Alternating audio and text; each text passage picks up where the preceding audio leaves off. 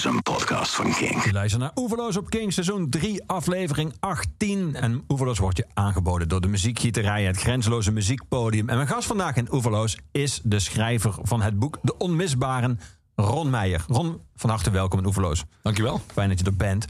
Ron, we gaan het hebben over jouw boek. Het, jouw boek is een ode aan eh, jouw klasse, aan de arbeidersklasse, de werkende klasse. En eh, we gaan alleen maar muziek draaien die op de een of andere manier de working class bezingt. Mooi. Op één nummer na. En dat nummer wil ik eigenlijk, daar wil ik eigenlijk meteen mee beginnen. Want dat is een nummer dat in zekere zin ook de working class eh, bezingt. Want dat nummer verwijst rechtstreeks naar, en dat haal je dan ook in je boek aan, de plek waar jij zelf vandaan komt. Namelijk de kant van het spoor, achter het spoor.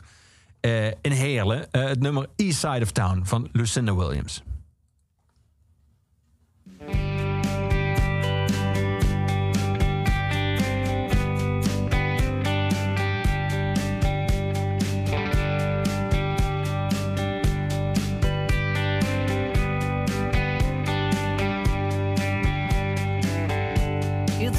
You got problems,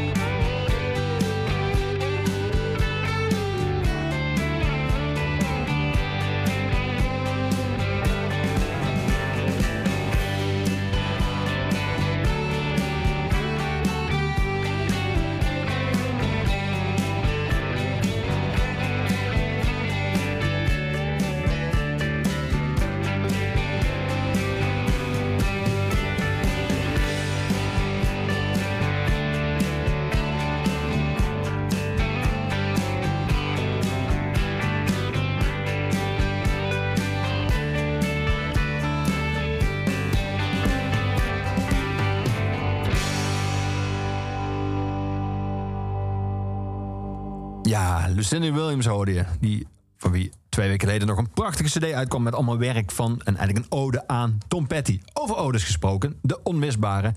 Ron, jouw boek is een ode aan mijn sociale klasse. Zo eh, staat dat erop. Ehm, laten we dat eens even ontleden. Zowel dat woord ode als eh, eh, sociale klasse... als om daarmee te beginnen, mijn... Dat mijn, dat is ook de link naar het nummer wat we zojuist draaiden. Eh, beschrijf je als volgt. Aan onze kant van het spoor was ik me nooit echt bewust van zulke verschillen. Eh, dan heb je het over klassenverschillen. Het gekke aan de uitdrukking achter het spoor is dat het in letter- letterlijke zin nogal afhankelijk is van waar je je geografisch bevindt. Toch weet iedereen wat je ermee bedoelt. Het gaat namelijk niet over de plek in de stad, maar over de plek in de samenleving. Vervolgens schrijft Lucinda Williams daar een schitterend liedje over. En dat is het nummer zojuist draaiden. Ehm, dat was in Heerlen, waar jij woonde. Ehm, heb jij goede herinneringen aan die tijd en aan jouw jeugd daar? Ja, fantastisch herinneren. Ja, dit is echt eh, daar. eh, Als ik eh Lucinda Williams hoor, ja, dat, dat, dat is. Hè, daar zit een er zit drama in, maar ook trots in, zeg maar. Als ik Ja. denk aan mijn tijd in, in mijn oude buurt Zeswegen. Ik woon nog steeds, ik woon nu twee kilometer van Zeswegen vandaan. Het is niet alsof ik nu aan de andere kant van de wereld zit, maar... eh Soms kan er verschil zijn tussen Ja, ja, ja, de zeker, villa-wijk en... Zeker. eh, ja, ik woon niet in een villa-wijk. Maar, eh, ehm, maar nee, ik koester ontzettend warme gevoelens. Ehm, wij, ik schrijf in dat stukje dat je net citeerde.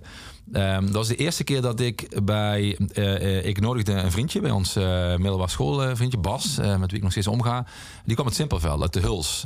Dat is nou, uit een wat, wat duurder deel van dat, van dat dorp.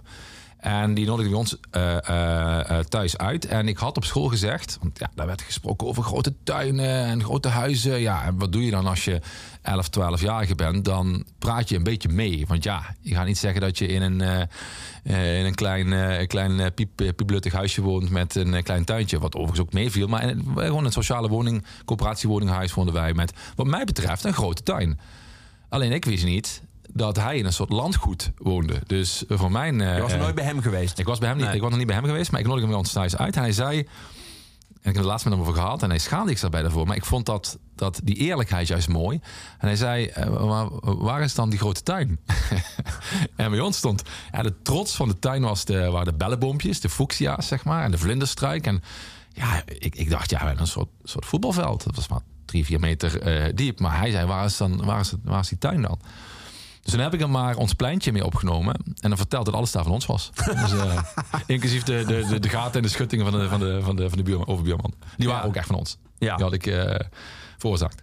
Ja. Want dat is eh, iets wat jij, wat echt de kern is van jouw boek. Zoals je het zelf schrijft, klasse is overal. En dat wordt je al duidelijk als je jong bent en dat er verschil is in, nou, bijvoorbeeld in dit geval, de, de grootte van de tuin tot eten. Je Ja. schrijft ergens van zalmbonbons en mozzarella pingwings en rivierkreefjes met mango had ik nog nooit van mijn leven gehoord. Laat staan geproefd.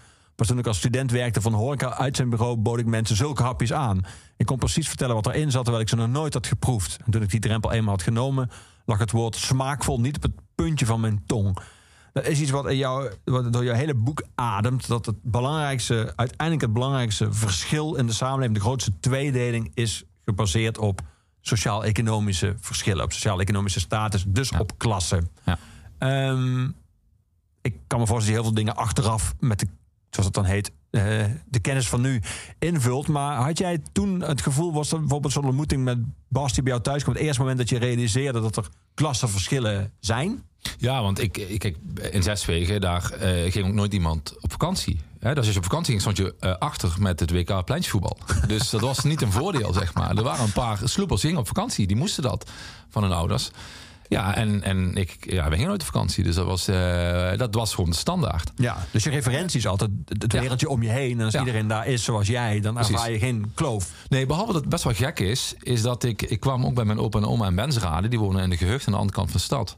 Maar op de een of andere manier was dat, daar woonden boeren en oud-mijnwerkers. En dat is een prachtige gehucht. Sterker nog, daar wonen nu artsen artsen en architecten. Maar op de een of andere manier drong dat niet op me door. Want die hoorden erbij, zeg maar. En dus ja, toen ik bij Bas thuis kwam en ik toen zag dat hij in een, eh, ja, een prachtige bungalow villa, wat het ook was, met echt ja, een tuin. Ja, dat was in mijn wereld was dat zo ongeveer half zes wegen bij elkaar. eh, zoveel, zoveel grasprieten had ik nog nooit bij elkaar gezien, bij wijze van spreken. Maar Hoe keek je toen naar hem? Dacht je dan dat zijn ouders miljonair waren? Of dacht je dat hij van een soort van eh, dat hij een soort kasteelheer was? Of, eh, Nou, ik had natuurlijk, kijk, ik, zes weken in die tijd, eh vlak bij de, het station, aan de noordkant van het station in Heerlen, eh, om de hoek lag de tippelzone. Daar stonden in die tijd, het Heerlen van de jaren 90, duizend officiële eh, heroïneverslaafde daklozen, 2000 officieuze. En we hadden een tippelzone om de hoek tussen het station en, en mijn oude buurt in. Dus ik fietste iedere dag vier keer. Dus eh naar Bernardines, lag in, het, eh, in, eh, aan de zuidkant, eh nabij het centrum. En weer terug. En dan eventueel nog om te gaan voetballen s'avonds of wat dan ook. Dus vier keer zag ik daar. Ik zie dat gezicht nog steeds voor me. Datzelfde meisje, was ouder dan ik, een jaar of 19, 20 zijn geweest ongeveer. Met diezelfde grote bruine hertenogen, eh maar ook dood en doodziek. Eh, en ik vroeg mij, eh, dat zal, ja, ik weet niet, ik zal 12, 13, 14 zijn geweest, dat ik me afvroeg, hoe kan het dat wij als samenleving dit toestaan? Hoe kan het dat wij accepteren dat daar doodzieke dames staan, eh, waar je kunt zien dat dat echt niet goed is? En dus ik wist wel dat er een verschil was tussen wat er in Zeswegen en eromheen gebeurde. Maar, eh, maar dit, dit moet je toch bijna achteraf ingevullen. Een twaalfjarige vraagt zich toch niet af wat, hoe, wij als, hoe wij als samenleving. Nee, ik zei dat natuurlijk niet letterlijk zo. Maar wel degelijk, dat, wel degelijk zag ik dat daar... Ja, daar staan jonge vrouwen staan er op straat. En die zagen er natuurlijk niet uit als, eh bij wijze van spreken... de jonge dames die wij tegenkwamen toen we hier in de studio liepen. Nee. Die waren uitgemergeld. Die oogkas was zo ongeveer ingezakt. Dus dat je kon zien dat het zieke mensen waren, was evident. Dat, Ja. dat kon ik als, als achtjarige al bij wijze van spreken zien. Maar wat vertelde je als je, ik kan voorstellen als kind je ouders vraagt van wat doen die vrouwen daar? Wat, wat, wat, was het verhaal dat jij daarbij gekregen had? Ja, dat, mijn ouders zeiden dan dat ze hoopten dat dat nooit met hun kinderen zou gebeuren. Dus de context is eh, voormalige mijnstreek.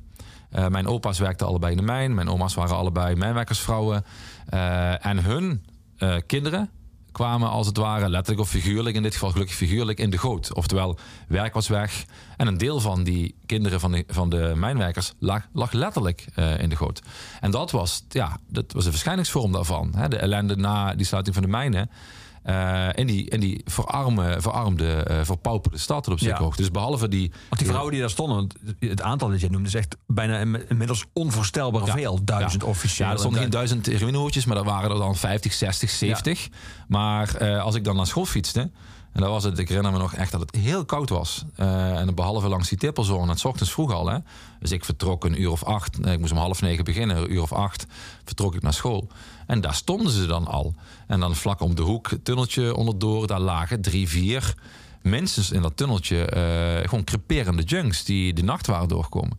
Dus toen had je nog geen geen dag- en nachtopvang. Daar was strijd over in de stad en welke buurt dan. En wat ik me wel realiseerde, zonder dat ik precies wist waar het over ging, was dat het dus telkens als het, als, als het eh, neigde naar eh, zo'n zo'n opvangplek in een buurt waar politieke vrienden zaten, dus, dus vrienden van de bestuurders, dan ging het daar niet door. Dus dan kwam het in Heksenberg of nabij Zeswegen in de arbeidersbuurten, zeg maar. Dus je krijgt dat wel van huis. Mijn ouders waren niet actief politiek. Mijn vader stemde altijd Partij van de Arbeid. Eh, die vond zichzelf politieker dan mijn moeder. Maar mijn moeder stemde als eerste SP. Dat had alles ermee te maken dat de SP langs de deur ging.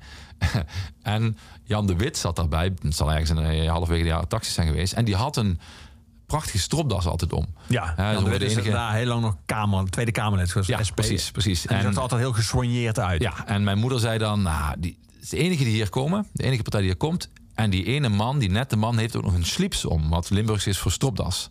Dus mijn moeder was zo ongeveer verliefd op Jan de Wit. Eh, mijn vader die had een haat-liefdeverhouding eh, met de Partij van de Arbeid en de vakbond en de hele sociaaldemocratie. Dus eh, ik kreeg wel mee dat het niet klopte wat de gevestigde macht deed, zonder dat ik wist wat dat was en waar het over ging. Dus als je het om me optelt, je ziet die junks, je ziet die ruïnehoortjes, je, je, ja, je, ziet dat er wat, je hoort en ziet dat er wat mis is.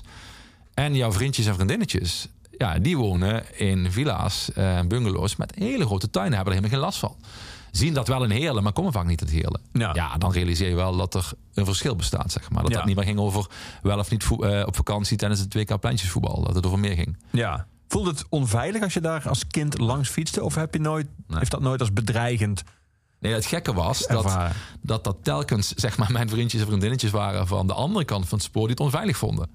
Hè, die ook eh, de, de, de was dat nieuw. Ja, ja. de oeverloze grappen over of ze dan een pasje moesten laten zien als ze over het spoor gingen. Of dat er dan een, een infrarood stipje op het hoofd kwam te staan, zeg maar, van, van een, eh, weet ik veel, van een geweer op afstand of wat dan ook. Ja, die kan ik allemaal, kan ik, daar kan ik een boek over schrijven, over dat soort, eh, eh, dat soort eh, typeringen. Maar ja, dat boeide me allemaal niet zo heel veel. Nooit onveilig gevoeld, altijd ook naar de hand op stap gegaan. Dus dat kwam vaak van mensen van, van buiten, zeg maar, die dat inderdaad niet kenden. En als je daarmee opgroeit, we- de, de, de vaakst gehoorde en geuite ehm, waarschuwing van, van op straat spelende kinderen door de ouders was: kijk uit voor de spuit. Nou ja, eh, als je dat honderd keer hoort, ja, ja, mam, ja, ja, eh, ik heb er drie gevonden gisteren, maar pff, boeien, weet je. Dat- Dus dat, daar groei je, daar, daar groei je Ja. mee op. Na de hand ga je pas realiseren, ja, hoe, ehm, hoe bizar het eigenlijk was dat er, eh, weet ik veel, drie keer per week een huisuitzetting was of een inval was of wat dan ook. Dus als kind, ja, voetbal je daar, daarin. En eh, ja, god, die huisuitzetting van gisteren, die ben je de dag daarna weer vergeten. Want ja, was toch Italië tegen, tegen, tegen Marokko op straat, weet je wel. Ja, Ja. dat is ook belangrijk. Wat, wat, wat was jouw vader? Wat was zijn beroep? Eh, mijn vader was eh, chauffeur en koelmonteur. En dat combineerde, combineerde hij, want hij moest dan met de koelingen naar, met de vrachtwagen naar, nou ja, naar, naar cafés of wat dan ook toe. En dan monteerde hij dan of repareerde hij dan de koelingen. Ja, dat was voor mij, nou ja, profvoetballer. Je had Radio 1 langs de lijn eh verslaggever. Dat was echt voor mij ja, Champions League. Hè? En ja, dan kwam wel gauw eh, chauffeur en eh koelmonteur. Alhoewel ik echt niks met techniek had, kan, kon en kan. Ja, dat was voor mij echt, ja, dat was, ar- ja, dat was arbeid, zeg maar. Daar was Ja. ik echt, keek ik echt tegenop. wat ik denk dat redelijk logisch is voor jongetjes en, en, en, en de arbeid van, van, van een vader. Ehm, maar dus, ja, mijn vader was niet een man van, van, van studie of van boeken. Dat zijn MAVO ook niet afgemaakt. En die, eh, zoals mijn oma zei, ja, die wa- was gemaakt om te, om te werken, zeg maar. En dat, eh daar onderleende hij ook zijn, zijn identiteit en zijn trots eh, aan. Ja. Later kreeg hij een, een ziekte, een stofwisselingsziekte. Ja. Eh, toen moest je moeder eigenlijk best wel veel voor, voor hem zorgen. Ja. Ehm, merkte je toen dat die dat merkte je toen eigenlijk pas hoe, hoe belangrijk dat werk was voor zijn trots? Want dat werk was nu Ja. dus weg. Absoluut. En niet alleen de trots, maar de, de, de, het gebrek aan erkenning. eh, dat eh, het ging bij hem bijna letterlijk eh, zeg maar tussen de oren zitten. Dat niemand geloofde wat hij had. En ik herinner me een, een, nu, nu je dat zo vraagt, en maar ik heb dat niet in het boek, eh, beschrijf ik niet in het boek. Hij, ik denk dat hij ook een keer wilde bewijzen dat het echt zo was. Dus ik zei, ja pap, hè, dus was het zoveelste keer dat, dat we naar het gak moesten. En ehm, die ziekte werd niet herkend en erkend toen. En toen ben ik met hem, ja pap, misschien moet je ook wel meer bewegen of zo. Hè. Je probeert als, als tiener ook maar wat met je pa. Dus ik ben toen een rondje met hem gaan rennen. En dat was misschien 400 meter of zo. Eh, en na 150 meter was die man lijkbleek. Zonder dat hij ooit, ooit eens over eh, zei of gezegd heeft, overigens. De eerste keer dat ik er nu weer over heb. Eh, en dat was voor mij wel echt... Ik schaamde me zelfs een beetje voor. Omdat ik dacht, shit, maar zelfs jij gelooft het je pa niet. En ik zag hem daar bijna instorten. Bij spreken had ook kunnen gebeuren. Maar ja, na de hand bleek dat hij, eh, dat hij door die stofwisselingsziekte... dat hij eigenlijk voortdurend zijn, zijn aderen eh, slippen veel sneller dicht dan die van andere mensen. En daar kreeg hij dan herseninfarct en hartinfarcten door. En eh, weet ik wat allemaal voor een, voor een toestanden. Ehm, dus ja, die man die was eigenlijk dood en dood ziek. Alleen dat werd niet gezien. Dus hij verloor zijn baan omdat het niet erkend werd. Hij, eh, wij kwamen in de bijstand terecht. Want ja, dat was een niet bestaande ziekte. Meneer, je moet niet zo zeuren. Dat was eigenlijk het verhaal. Op een, eh, op, met allerlei eufemismen. Hij kon toch nog op het knopje van de sluis eh, drukken. Als je sluiswachter kon worden, dan kon je, ook, kon je ook werken. Terwijl ja, mijn vader komt de trap niet eens omhoog. Nee. Ehm, en daar heb ik wel geleerd, extra geleerd, dat het systeem. dus ik herkende pijn. Ja, niet op die manier, denk ik, maar wel uh, toeslagenouders die zich enorm gefrustreerd voelen terecht. Ja, ik schreef de bezwaarschriften van mijn ouders. eh, want ik ging toch naar het ateneum, weet je wel. Dus dat vond ik ook heel logisch. Was ook nooit van mij een last of zo. Eh, maar mijn vader, ja, die, die wilde werken, maar dat ging niet. En, en daar werd eigenlijk tegen gezegd: ja, de eigen schuld, dikke bult. Want eh, je hebt niks. Dat was eigenlijk de conclusie. En daar ging die man kapot aan. Ja. Ja. En wat was hun ideaal voor jou? Was het, er was het, al werd het zo niet uitgesproken, dus een soort van mate van, terwijl die ouders niet heel politiek waren, maar van, laten we zeggen, klassebewustzijn. Was het ideaal dan dat jij uiteindelijk die klasse zou ontstijgen? Dan dat jij dan ook zeg maar, die tuin zou hebben van, eh, van Bas? Ja, Of was het juist Ja. meer van je moet nooit vergeten waar je vandaan komt. Dus je moet blijven zoals wij zijn. Ja, ik denk dat dat, dat, dat eh, allebei, denk ik. Want ehm, voor, mijn ouders, voor mijn ouders was vrijheid nooit... Ik, ik, ik, naar de hand toen, zeker in het begin van het millennium... dat het eh, rondom de opkomst van Fortuin... en of je wel of niet van alles en nog wat kon zeggen. Hè. Eh, voor mijn ouders was vrijheid nooit iemand tot op het bot mogen beledigen. Dat interesseerde ze helemaal niet. Voor mijn ouders was vrijheid... ehm, eh, de huur kunnen betalen, eh, geen zorgen hoeven te maken over de kapotte distributieriem. En misschien wel nog het meest dat je vooruit kon plannen. Als er iets is wat zeg maar ehm, totaal onderschat is van armoede, is dat mensen die weinig hè, met een bescheiden inkomen, die kunnen niet vooruit plannen. Nee. Eigenlijk zijn ze veel duurder uit, want ze moeten telkens opnieuw. Hè, mijn ouders, eh, zei mijn vader, ik heb een nieuwe auto. Ja, pap, eh, hoe lang zal hij dit doen? Drie weken. Dat was natuurlijk nooit een nieuwe auto. Dat was de derde hand van derde hand. Weet je wel. Had hij ergens bij een chageraar eh, een, of ander ding gevonden dat net vier wielen had.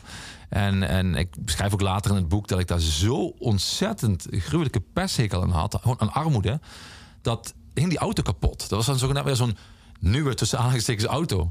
En ik was van het lezen en ik las de krant. En, we hadden thuis geen abonnement, maar bij mijn opa en oma wel. Dus ik haalde dan daar de krant en bij de buren werd ermee gedeeld. En eh, ja, ik vond het lezen helemaal fantastisch.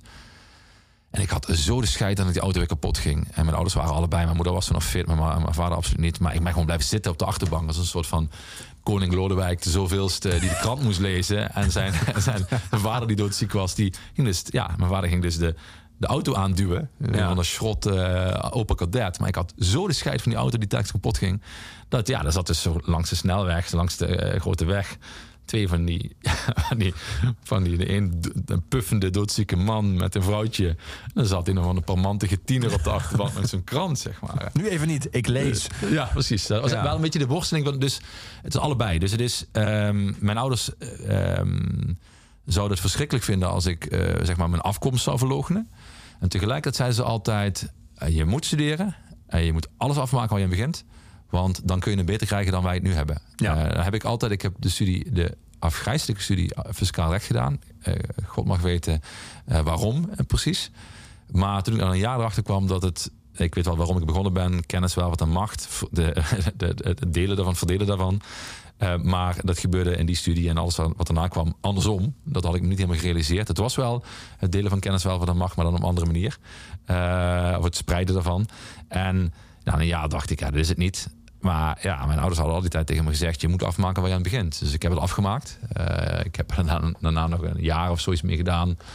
En toen ook gelukkig nooit meer. Maar jij wist na een jaar al, dit was het niet. Ja, maar afschuwelijk. maar omdat je een soort van loyaliteit voelde naar de Ja. belofte van jou, dus heb je drie lange jaren nog. Ja, nog wel vier. Ja. Of je, Ja, dat- er gebeuren nog wat dingen tussendoor. Zo. Ja, ja.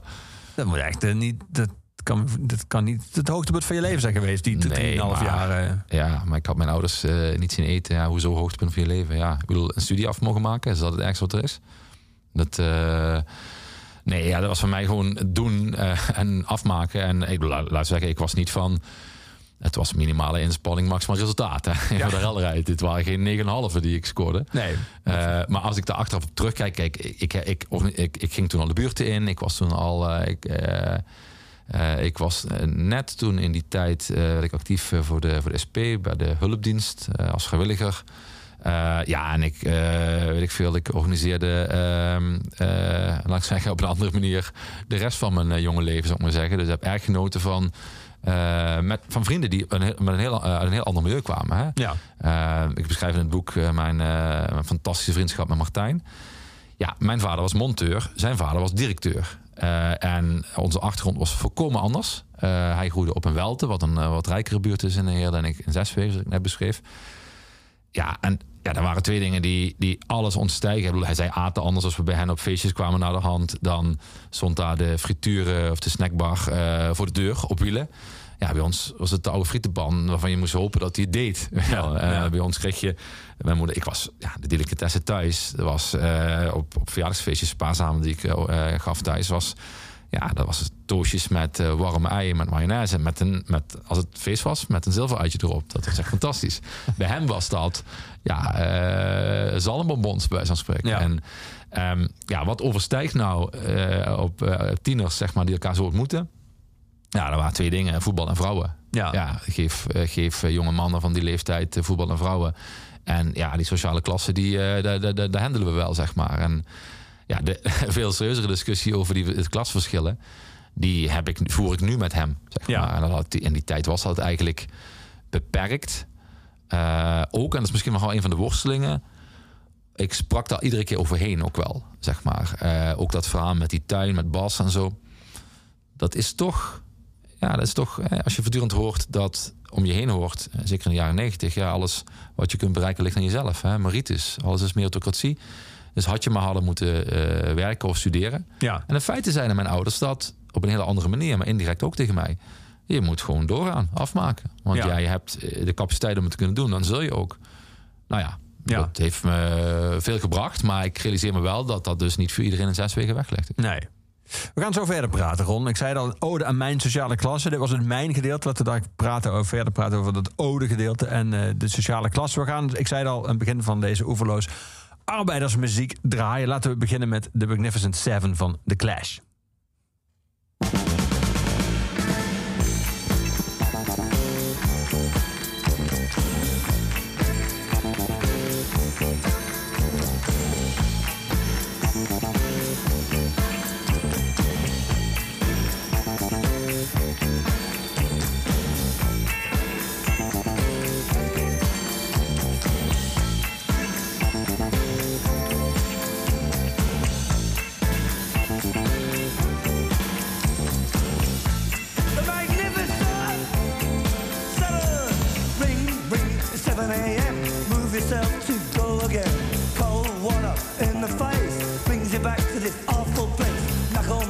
Your bankers too.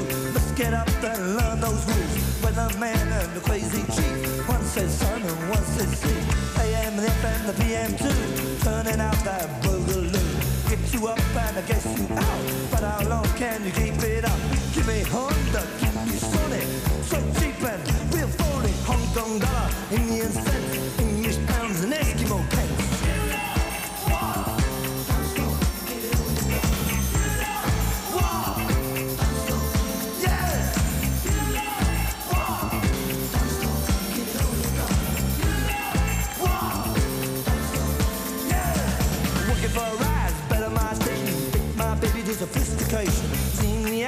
cause it's just nice. Better work hard, I seen the price. Never mind that,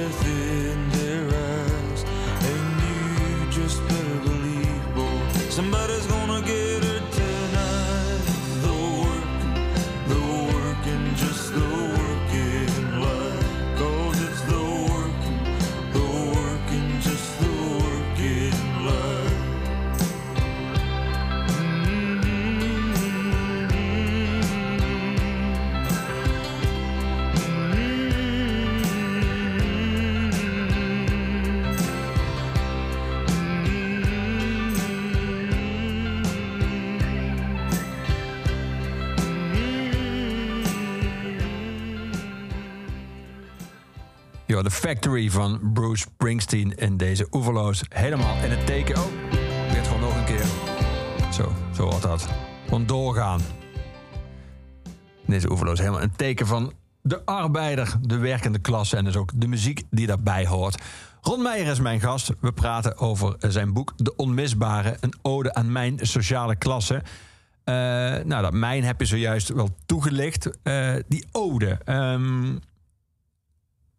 Waarom vond jij het nodig om, ik zou bijna zeggen, de, de werkende klasse, jouw sociale klasse, op een voetstuk te zetten? Nou ja, eh, we komen net uit een crisis, we zitten er nog in. Eh, en wie zijn het die officieel een cruciaal beroep hebben? Eh, vitaal proces wordt het ook nog genoemd. Dat heb ik niet verzonnen, hè? dus dat is allemaal Rijksoverheid. Met dank aan Mark Rutte en co, zeg maar. Officieel, cruciaal beroep. De thuiszorger, de schoonmaker, de vuilnisman, de pakketbezorger, de distributiewerker. Nou goed, je begrijpt mijn punt. Dat zijn eh, allemaal mensen die niet eh, thuis, bijna allemaal mensen die niet thuis konden, eh, konden werken. Het zijn de mensen die, ehm, die het snelst of het meeste risico liepen om ziek te worden. hè. Die zeker in het begin van, van de pandemie geen beschermingsmiddelen hadden. Bij mijn ouders, die allebei ziek zijn, zoals we eerder bespraken, die, daar kwam Ja. de thuiszorger op bezoek. En die had gewoon geen beschermingsmiddelen. Dus die mochten ook een week lang niet komen. Een jaar geleden ongeveer. Maart, nou iets langer dan een jaar geleden, maart 2020. Dus dat zijn de mensen die het meeste risico lopen. Die de klappen vangen. Die het officieel cruciale beroep hebben. Zonder wie we dus niet kunnen. Maar die bovengemiddeld vaak een laag loon. Veel onzekerheid. En een veel te hoge werkdruk hebben. En als we dat hebben, dan wordt er eventjes voor geklapt. En er komt misschien een bonusje of niet. Maar misschien loopt ook wel een meerderheid van de Kamer even de Kamer uit. Als het niet eh, goed uitkomt. Dus ja, eh, het was eh, waarom een ode? Omdat ik eigenlijk wel woedend ben hier, daarover. En ja, dan kun je dat een, eh, kan het een, eh, een schotschrift eh, worden. Of het kan een ode worden. Ik vond toch een ode wat fijner dan een schotschrift. Ja. Alhoewel je kunt afvragen of er niet ook elementen van schotschrift in eh, deze ode zitten. Ja. Nu, nu suggereerde ook een ode dat het, eh, dat het nodig is in de zin van dat het over een onderwerp gaat. En in dit geval over mensen gaat, of een klasse gaat die door anderen niet gezien wordt. Of die eh, dat podium, of dat die, die bijna zeggen spotlights die ze verdienen Ja. niet krijgen. Je schrijft ook eigenlijk, het is een verhaal van mensen waar het aan de talkshowtafels of in de boeken vrijwel nooit over gaat. Ehm, Terwijl het idee toch is dat zeker sinds Fortuyn en het idee destijds dat mensen heel erg schrokken dat opeens bleek dat er een soort onderstromende samenleving was die heel groot was en toen goed, goed was voor 26 zetels. Dat tegenwoordig overal de mening van met drie letter, hoofdletters de gewone man wordt. En elk journaal heeft zo'n voxpop waar dan Ja. even mensen op straat mogen zeggen wat ze ervan vinden. Het lijkt erop dat eh, er een soort inhaalslag is geweest, juist om te voorkomen dat we een deel van de samenleving niet Ja. zien. Maar jouw stelling is eigenlijk dat nog steeds een deel van de samenleving een soort van onderbelicht blijft. Ja, nou ja, tien jaar lang toeslagenschandaal. Woekerde. Niemand iets zag. Eh, Groningen, hoe lang loopt dat al?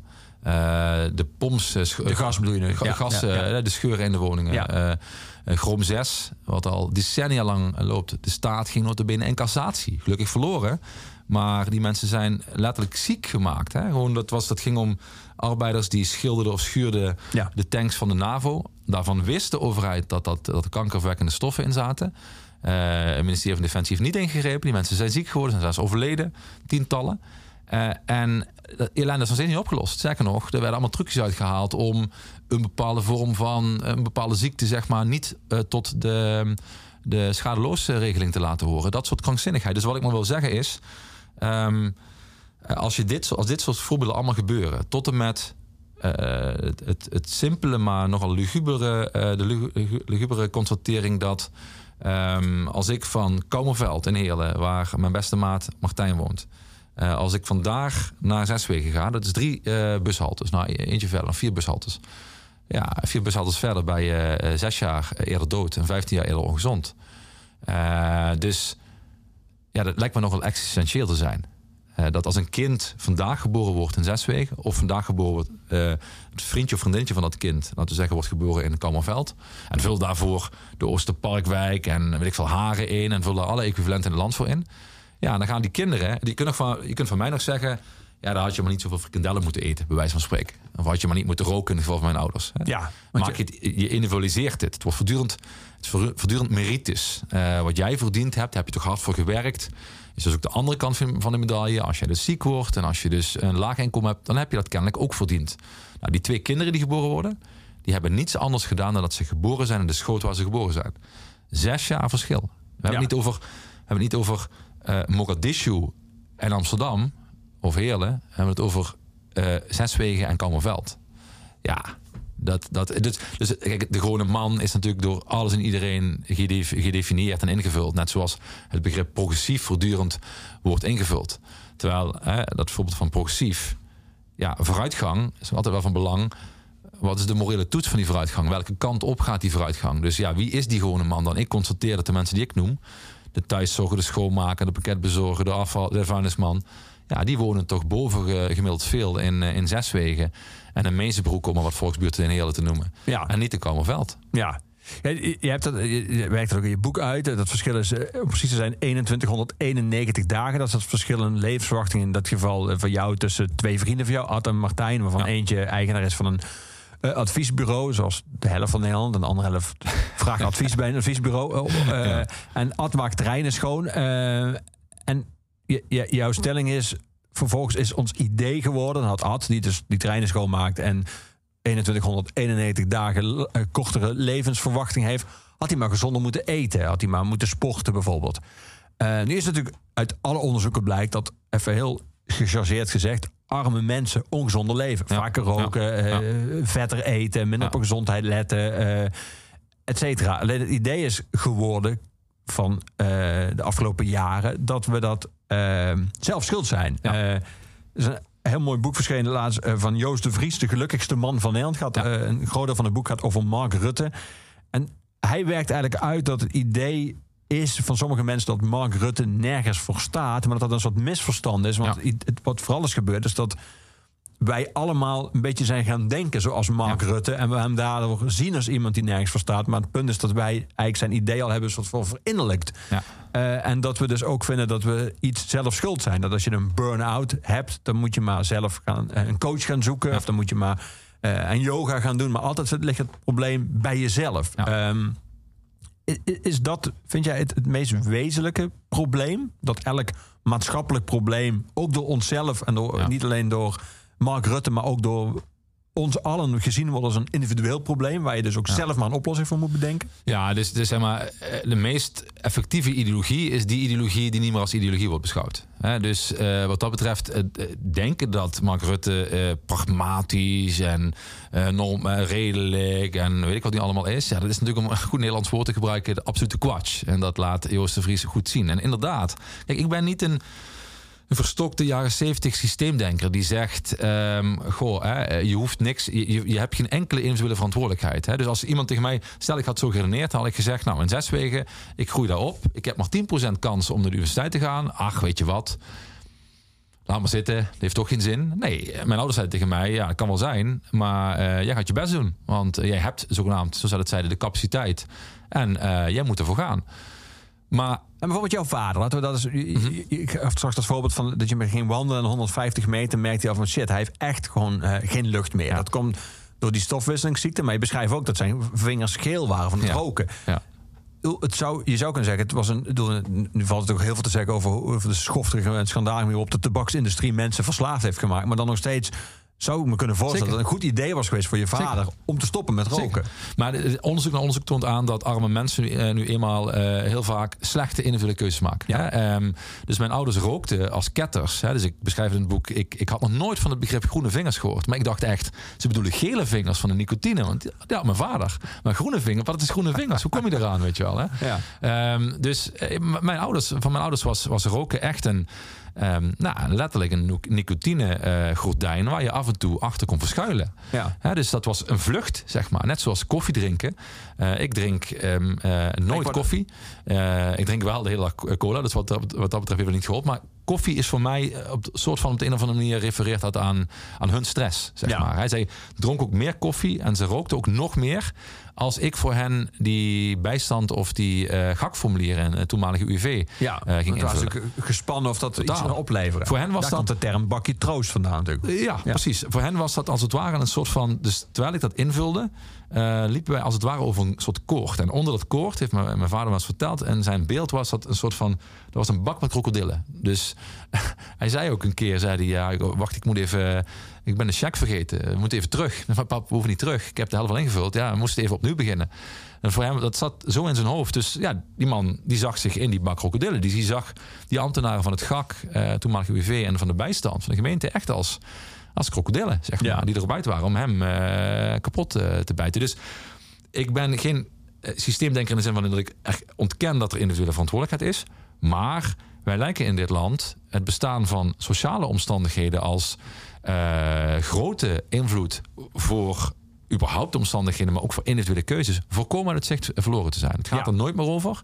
Want, want die individuele keuzes worden natuurlijk ook van deel. Die, dat zijn nog steeds individuele keuzes, maar wel inmiddels gedefinieerd en eh, door die omstandigheden. Bijvoorbeeld eh, uit allerlei onderzoeken blijkt dat mensen als ze armer zijn en meer stress hebben, wat ook vaak wel iets met elkaar te maken heeft. Dat als, ze, als je ze een IQ-test laat doen, Ja. dat een IQ gewoon letterlijk omlaag gaat. Ze worden Ja. eigenlijk letterlijk dommer naarmate ze armer worden. Ja, nou ja, als je, als je iemand vraagt, eh, als je mijn ouders gevraagd had, ehm, wat willen jullie? Dat jullie kinderen, ik heb nog een zusje, eh, dat jullie kinderen zes jaar eerder doodgaan? Of eh, dat ze ouder worden? Ja, ieder, ieder ouder kiest dan, eh, alle ouders kiezen dan voor dat hun kinderen zo lang mogelijk gezond zullen leven. Toch, eh, ja, ze kunnen keu- keuzes zijn, zoals onder andere eh, zelf roken als ketters. Wat je natuurlijk als kinder ook mee, mee krijgt Ja. omdat je daartoe, door de stress en door de ellende, kunnen we morgen de huur betalen, worden we morgen uit huis gezet. Ja, grijpen mensen daarnaar. En we hebben recent een, een interessant onderzoek gezien dat gezond voedsel duurder geworden is. En eh, ehm, ongezond voedsel bleef gelijk. Sterker nog, chips en snoep werd goedkoper. Kortom, ja, wat denk je wat er in Aldi in zes weken? Want daar staat Aldi, zeg maar. En eh, overigens wordt er nu in zes weken gestreden voor behoud van de Aldi. Eh, dus dat zijn allemaal dilemma's. Hè? Je wilde eigenlijk bij wijze van spreken eh, een veel gezondere winkel. Maar ja, het is de enige winkel die er nog is. Eh, als die verdwijnt, dan heb je nog veel groter probleem. Ja, dat is de continue strijd die gevoerd wordt. En die, die omstandigheden bepalen of mensen wel of niet chips of... eh, en er zijn natuurlijk meer redenen, hè, meer achtergronden... waarom mensen wel of niet chips of wel of niet snoep... of wat dan ook pakken in plaats van fruit. Maar ja, de materiële omstandigheden van wat die dingen kosten... zijn wel degelijk van grote invloed. Ja, we gaan muziek draaien rond. We gaan luisteren naar de Dropkick Murphys met Which Side Are You On?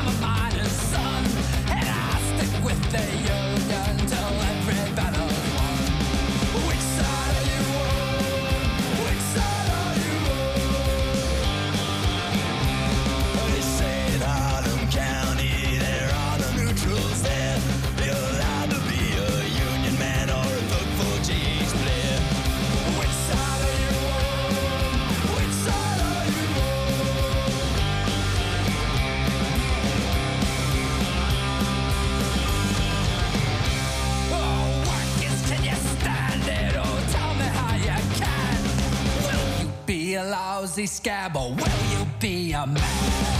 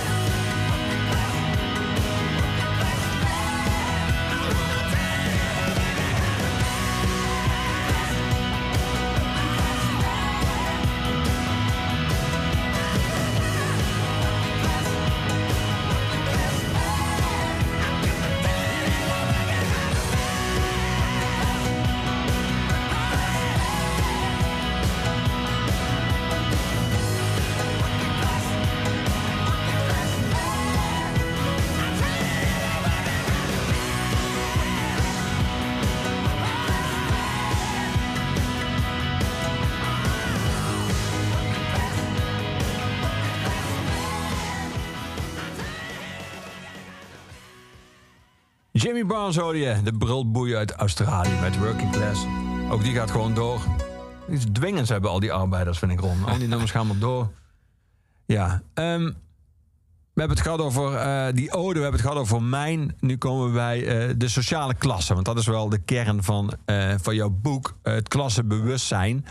Ehm, het gekke is dat tegenwoordig het idee bestaat dat wat ons verdeelt hele andere zaken zijn. We hebben het over. eh, het gaat heel vaak eh, in het huidige politieke debat over identiteit. En identiteit wordt dan vaak gedefinieerd aan de hand van huidskleur, aan de hand van eh seksen, aan de hand van gender. Terwijl jij het eigenlijk helemaal inzoomt op een andere identiteit, namelijk de identiteit van sociaal-economische klasse. Ja. Wil je daarmee zeggen dat al die andere identiteiten en die andere dingen die mensen verdelen helemaal niet spelen? Nee, nee, natuurlijk speelt, eh, spelen ook die identi- identiteiten. Ehm, ik, ik, ben gaan, ik ben gaan turven een maand voor de, voor de verkiezingen. Ik dacht, dan ga ik eens de talkshowtafels eh turven hoe vaak, nou het, eh, hoe vaak het nou over sociale klasse gaat. En in het bijzonder, hoe vaak gaat het over dat ehm, eh, mensen in de, in de buurten met de meest bescheiden inkomens eerder doodgaan. Nou ja, het resultaat was nul. Het ging er, we hebben Dat was geen dag- thema aan de verkiezingen. ja, dus geen enkel thema. Maar ik had ook net zo goed een half jaar of een jaar kunnen, of jaren kunnen turven. Daar was ik ook niet heel veel tegengekomen. Ehm, het ging wel over de platte neus van de hond van Gordon, dat weer wel. Maar het ging niet over de meest essentiële thema's. En dus je zult mij nooit horen zeggen dat als je nou een soort klasseloze samenleving zou, eh, de verstrekte utopie, maar als je daarin zou, zou leven, dat er geen racisme zou zijn, dat er geen seksisme zou zijn. Dat zijn allemaal iemand die dat stelt, die is van het padje. En eh, eh, er, zijn, er zijn allerlei verschillende vormen van uitbuiting en onderdrukking, noem maar op. De vraag is alleen, wat is de grote gemene deler? En de vraag is ook nog, eh, wat missen we nou in het, in het geheel? Dus ik zat, er kwam een vraag in, in de lijsttrekkersdebatten en die ging over, ehm, moeten er... eh, moeten er, ehm, ehm, of, of als de stelling was, eh, als eh, mijn partij een kabinet gaat vormen, dan is minstens zoveel procent, ik geloof 10 procent, eh, bestaat uit mensen Ja. ehm, van, eh, met een migratieachtergrond van Ja. kleur. Toen zat ik thuis op de bank en ja, ik debatteer dan een soort van een beetje mee. Dat is een heel eh, vreemd gezicht, want er zitten dan ook nog twee tienerkinderen naast me, zeg maar. Ja, ik zag heel veel mensen eh, vroeger luchtgitaar spelen met de Ja. radio. Zit jij lucht, Precies. luchtdebat te spelen? Dat is het een beetje. Eh, en dus ik riep klasse. En ik geloof mijn dochter zei, pap, vond je dat echt zo'n goed antwoord? Want ze hadden het allemaal over, ja, ik vind dat bijna allemaal, behalve Geert Wilders. Die vond dat Zwarte Piet, eh, hoezo? Zwarte Piet gaat niet over eh, kleur of ras of wat dan ook. Hè. Eh, dat was dan zogenaamd een leuk grapje. Maar daarmee bevestigde Wilders dat het hem allemaal wel te doen is om verdeling op grond van, eh, van, van huidskleur. Dus, maar die rest die ging allemaal keurig netjes mee in ja. Hè, eh, en mijn, mijn kabinet zou, uit, eh, zou, eh, zou divers zijn. Het hele punt is, de werkende klasse is de meest diverse klasse. Dus wat ik bedoelde met klasse was niet goed antwoord. Zo Ja. begreep mijn kinderen dat. Maar heb het nou in godsnaam over sociale klasse. Ja. Want als daar, als dat kabinet zou bestaan uit ehm, eh, eh, een thuiszorger, een schoonmaker, iemand eh, die op de vuilniswagen heeft gestaan en ga ze maar door, dan zaten daar per definitie mensen tussen eh, van zo ongeveer alle denkbare achtergronden. Dus die sociaal-economische omstandigheden, die materiële omstandigheden, die bepalen. Ik probeer, ik heb geen, ik pretendeer niet een wetenschappelijk gefundeerde onderbouwing te hebben van sociale klasse. Eh, ik definieer hem zo ongeveer als toegang tot de economie, de media en de macht, zeg maar. Dat vind ik de meest wezenlijke elementen. Eh, als dat voldoende was geweest, hadden die toeslagenouders nooit zo lang in de ellende gezeten. Nou, als je dat, als je dat bekijkt en analyseert, zie je dat in Zeswegen, Woensel, de Oosterparkwijk, Kanaleiland, gaan ze maar door, dat daar mensen van alle achtergronden zitten. Dus op het moment dat je, zoals sommigen doen, stelt dat kleur of gender of sekse, ehm, dat, dat, ehm, dat dat leidend is, dan zeg je eigenlijk dat mijn, eh, dat, eh, Oprah Winfrey, eh, dat mijn vader de onderdrukker is van Oprah Winfrey of van meneer Tata. Meneer Ta- Tata is de eigenaar, de miljardair eh, eigenaar van Tata Steel.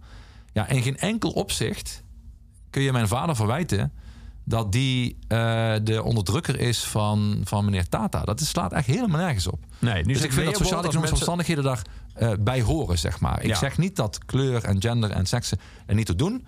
Maar als je dat ontdoet van sociaal-economische klassen... dan is die hele discussie over kleur en achtergrond en noem maar op... eigenlijk, ja, eh, veel minder waard geworden. Ja, ik heb hier een ander boek in mijn hand. Een klein boekje van Ewald Engelen. Die eh, bekend is als opiniemaker. Hij is ook eh, bekend als een van de altijd vaste lijstduwer van de Partij voor de Dieren.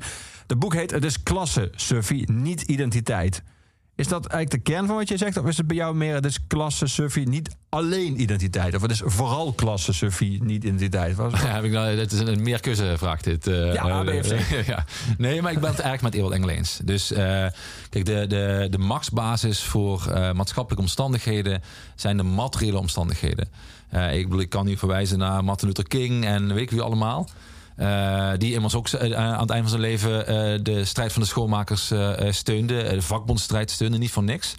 Ehm, ook omdat als je het volgt langs kleurlijnen, dan verdeel je per definitie de mensen die materieel op grote achterstand staan. Dat is al de meest diverse klassen en die verdeel je dan vervolgens op. Dus ja, er is uitbuiting op grond van achtergrond en noem maar op. Maar als, je, als ieder voor zich in een klein eigen hokje gaat zitten, ja, dan is het niet zo raar dat Mark Rutte kan zeggen dat hij pragmatisch is en redelijk is. eh, en dat zogenaamd zonder ideologie doet.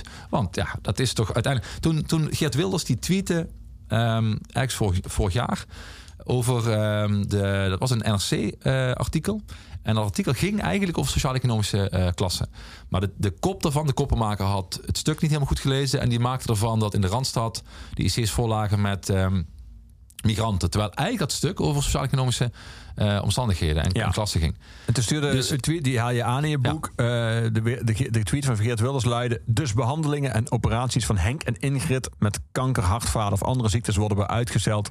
omdat de IC's bezet worden, vooral bezet worden door de Mohammed en Fatima... die onze taal niet spreken en lak hebben aan de regels. Ja, en, en het interessante is dat Henk en Ingrid, eigenlijk Huub en Jacqueline zijn mijn ouders. Die hebben allebei hartfalen. Eh dus Fatima en Mohammed zijn, ja, niet letterlijk mijn ouders, maar die equivalenten ervan. En zijn er ongetwijfeld culturele omstandigheden vast, vast. Maar onderzoek naar onderzoek laat zien dat de mensen die in het ziekenhuis terechtkwamen, dat dat vooral eh, te maken had met sociaal-economische klasse. Oftewel, ehm, ehm, eh, van de, tot, tot de leeftijd van 70, dus nou ja, zou je kunnen zeggen, grotendeels werkzame eh, bevolking. Dat die daarvan per één rijke coronadoden stierven er drie eh, uit de onderste 20% inkomenscategorie, zeg maar waar mijn ouders eh, zaten en zitten. Ja. Dus dan kun je niet zeggen dat dat, dat heeft dus niets te maken met ehm, je migrantenafkomst. Het heeft alles te maken met sociaal-economische omstandigheden. Ja. Dat er veel migranten zitten in die sociaal-economische omstandigheden is een ander punt. Ja. Maar dat is niet de oorzaak van waarom ze op het, eh, in het ziekenhuis terechtkomen. Dus die benader- verdelen heersen eh, politiek van zowel Rutte eh, als van Wilders. Ja, daar moeten wij wat tegenover stellen. En dat is niet eenzelfde verdeel- en heersstrategie of politiek. Door alsnog in die werkende klasse eh, mensen te verdelen op grond van kleur of op grond van seksen of gender of wat dan ook. Ja. Twee dingen daarover. Dat eerste over dat laatste. Eh, dat is iets wat als mensen bijvoorbeeld beginnen over white privilege... en ook documentaires over gemaakt, wordt heel veel over geschreven... er zijn heel veel opiniestukken over in de kranten... is inderdaad vaak het weerwoord van... wat is in godsnaam de white privilege van een, een, een witte stratenmaker... van een witte schoonmaker? Wat voor privilege heeft hij? Het antwoord is dan altijd... Nou, die heeft het ook zwaar. En die, eh, die, die heeft op andere eh, vlakken waarschijnlijk ook een zwaarder leven... dan iemand uit een hogere sociale-economische klasse. Maar hij heeft nooit last van zijn huidskleur. Dus dat, dat is dan het onderscheidende extra, zou je kunnen zeggen. Ehm, ja, hoe zeg je dat? Noodlot of eh, ma- maatschappelijk treffen van mensen die naast arm ook bijvoorbeeld een andere huidskleur hebben. Ja. Ehm, zit daar niks in, vind je? Nee, maar ik, ik, kijk, ik ontken op geen enkele manier dat als jij eh Mohammed heet bijvoorbeeld, dat je dan, het wordt keer op keer aangetoond, dat je veel moeilijker aan de baan kunt komen. Eh, eh, daarom zeg ik ook, in die utopische klasseloze maatscha- maatschappij geloof ik niet dat racisme opeens niet meer bestaat, dat er een wonderbaarlijke oplossing is. Maar de vraag is, hoe doe je aan machtsvorming? En, die machtsvorm, en aan die machtsvorming doe je niet door tegen eh, mijn ouders en hun equivalenten of tegen Ad te zeggen dat hij zijn bek maar moet houden. Want hij kan blij zijn dat hij niet helemaal achteraan staat. Hij staat dan bijna helemaal achteraan, maar niet helemaal achteraan. Ik zou zeggen, laten we nou Mohammed en Fatima en Ad, of mijn ouders of wie dan ook, laten we die nou samen laten optrekken. In plaats van te doen alsof tussen hen. Hij bedoel, ook als Ad dan erkent van ja, inderdaad, ik heb mijn huidskleur dan eh, op dit vlak niet tegen. Verder ben ik wel ziek, ga ik zes eerder dood.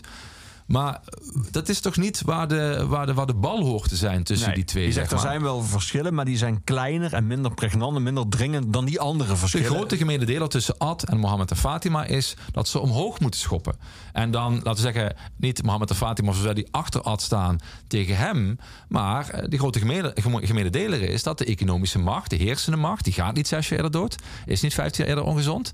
Doet alsof ze pragmatisch en redelijk is. Daar moeten we met z'n allen eh, tegenaan schoppen. Ja.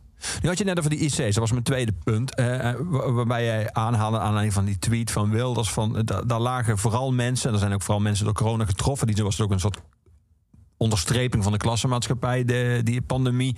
Dat mensen vooral getroffen werden uit lagere sociaal-economische klassen.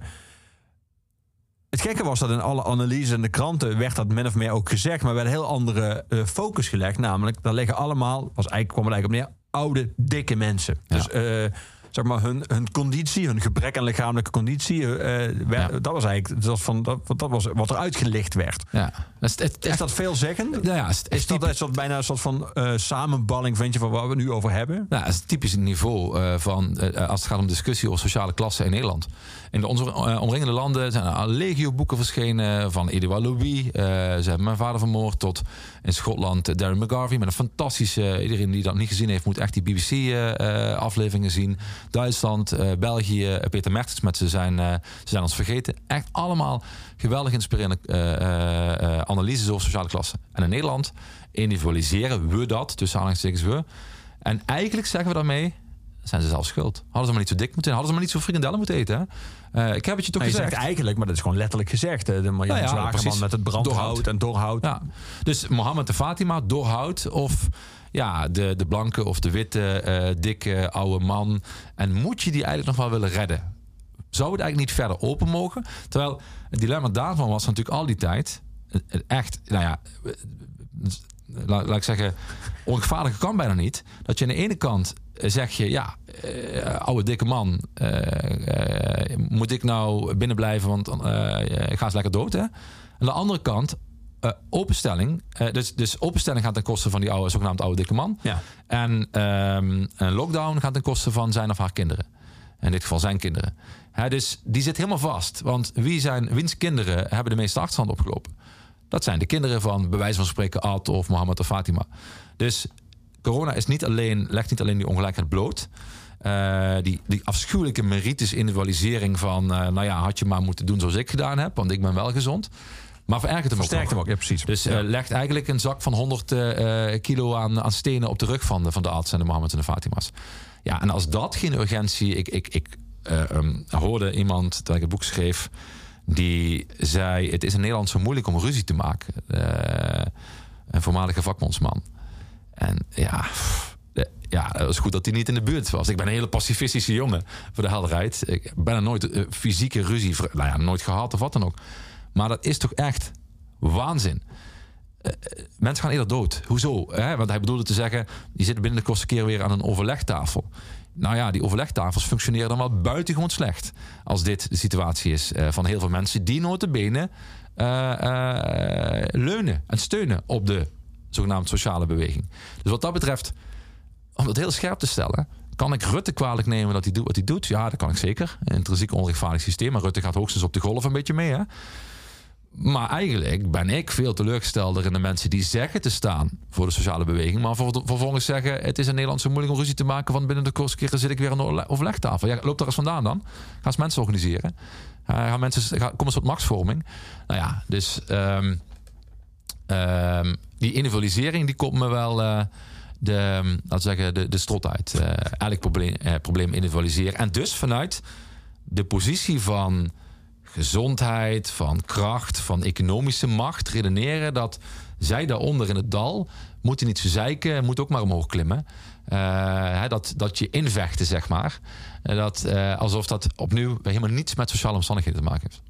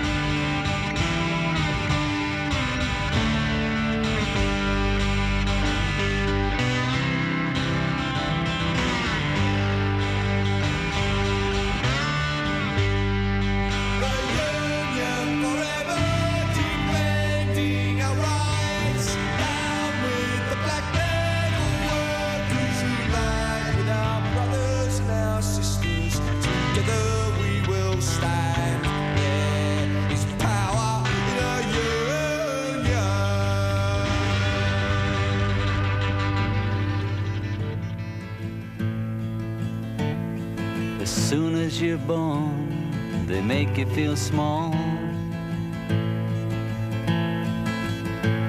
By giving you no time instead of it all. Till the pain is so big you feel nothing at all.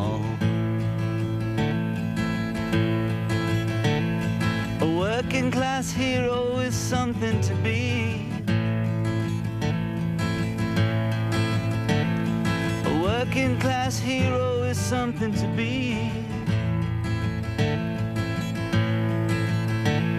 They hurt you at home and they hit you at school. They hate you if you're clever and they despise a fool. Till you're so fucking crazy you can't follow their rules.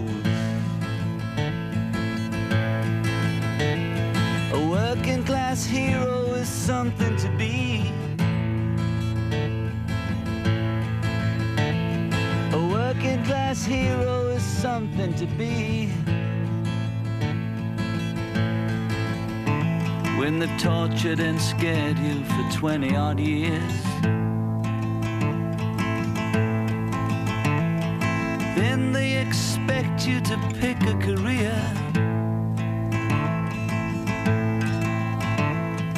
can't really function, you're so full of fear. A working class hero is something to be. A working class hero is something to be. Keep you doped with religion sex and TV.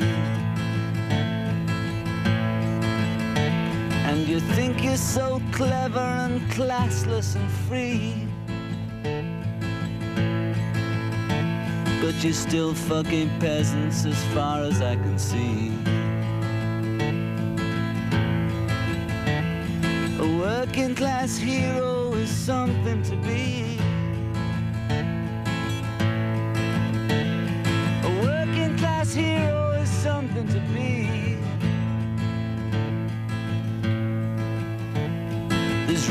at the top, they are telling you still. But first you must learn how to smile as you kill. If you want to be like the folks on the hill. A working class hero is something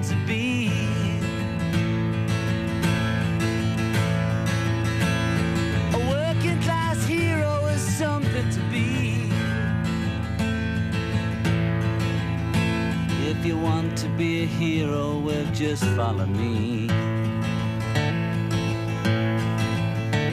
If you want to be a hero, well, just follow me. Working Class Hero hoorde je. Van John Lennon. En je luistert naar Oeverloos met Ron Meijer als gast. Ehm, Ron, jij schrijft in je boek dat de Dutch Dream diep verankerd is in onze samenleving. Eh, ik denk dat het een term is die eigenlijk niemand gebruikt. eh, want American Dream is natuurlijk, heb je meteen een beeld bij. Zelfs als je niet in Amerika woont, heb je daar een beeld bij. Maar het idee van dat, dat wij dat, dat, van, dat, dat we dat wel zijn. En dat, het, eh, dat je in dit land tot alles in staat bent. Als je dat maar wil. Dat je anders maar moet invechten. Dat is wel diep ja, verankerd bij iedereen bijna.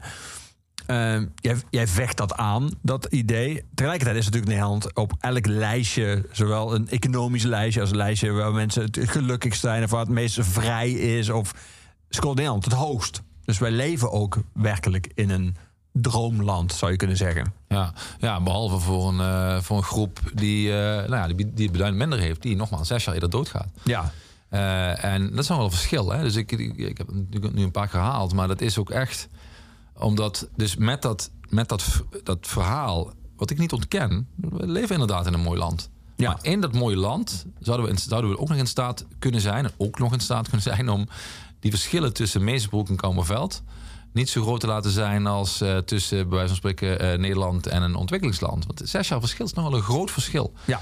Even, Dus- nu ga ik even het advocaat van de duivel Ja, spelen. Die mensen gaan zes jaar eerder dood, maar die gaan dan wel zes jaar, die leven dan wel, weliswaar zes jaar korter, maar wel al die andere jaren in een van de rijkste en Ja, mooiste klopt. en beste leden, of, landen van de wereld. Om even Ja, ja, jouw moeder te citeren. Arm mensen in Afrika, die zijn arm. Precies, precies. Ja, nee, zeker. Dus eh, ja, ik kan niet tegen mijn wijze moeder op natuurlijk. Eh, Geeft dus eigenlijk emotionele chantage wat ik hier doe. Absoluut. Dit is, eh, eh, ze heeft dit ook ongetwijfeld ook doorgebeld of zo. Dat moet wel. Nee, maar, nee, maar zes jaar eerder dood, 15 jaar eerder ongezond. Dat zijn wel omstandigheden. En kijk, mijn boek gaat absoluut niet over zieligheid. Hè? Dus daarom, daarom nam ik dit ook op. Eh, mijn, mijn ouders voelen zich op geen enkele manier zielig. Of hè, zij, zij, hebben, een hekel aan liefdadigheid. Ik ben ook zo opgegroeid. Niet omdat ik, ben niet tegen Giro 5 en 5. Maar ik vind Caritas wel de politiek van de gevestigde macht. En ik vind waardigheid eh, de politiek van de tegenmacht of, of linkse politiek, of hoe je het maar wil noemen. Wat linkse politiek zou moeten zijn, laat ik het zo zeggen. Ehm, en dus, nee, eh, borst vooruit, trots, afdwingen. Niet handje ophouden, want dan krijg je kruimels. Eh, alleen maar als er een beetje druk komt, komen wat kruimels. Dan wordt er geklapt en eh, dan wil bij wijze van spreken Hugo de Jonge dat, hij, dat tijdens het klappen vooral de camera op zijn schoenen staan. Eh, want dan gaat het veel meer om of er gezien wordt dat je als gevestigde macht klapt. In plaats van dat je er daadwerkelijk wat aan verandert. Dus ik geloof ook niet dat het verandert omdat men ergens aan de top denkt: hé, hey, maar shit, we moeten het veranderen. Dat gebeurt alleen onder, onder druk van mensen die zich organiseren. En ah ja, inderdaad, leven we nog steeds in een prachtig land. Ik hoop ook nog dat we Europees kampioen worden. Eh, maar het laat onverlet dat er in dat prachtige land enorme verschillen zijn. die er niet op dit vlak hoeven te zijn. Ja. Dus het hele beeld dat het een egalitair land is. en die grote verschillen heb je alleen maar in, in Amerika, die American Dream. Ja, dat is een beetje hetzelfde als de meest effectieve ideologie is die ideologie waarvan mensen denken dat het geen ideologie meer is. Dus die, die, die Dutch Dream, dat is hier niet, dat is Amerika, American Dream. Maar de verschillen, zeker in vermogen en toegang tot de economie, de media en de macht, nou ja, die zijn eh, zo groot dat ze leiden tot zulke grote essentiële verschillen. Ja. Nu zeg jij die mensen eh, door wat veel beter helpt eh, dan eh, hopen dat je wat kruimels van boven krijgt toegeworpen is het afdwingen, dus jezelf organiseren. Nu is de organisatiegraad in Nederland van vakbonden is tanende. En Ja. het rare is ook dat, hoewel je zou kunnen zeggen dat heel veel idealen die je sociaal-democratisch of socialistisch zou kunnen noemen. Bijvoorbeeld, eh, de, de, ik denk dat de, de- zeker Kroon heeft aangetoond dat heel veel mensen het, het belang zien van de publieke sector. Dat ze eh, gezien hebben dat de vitale begroepen mensen zijn, bijvoorbeeld die in de gezondheidszorg werken, bij de politie of bij eh, in het onderwijs.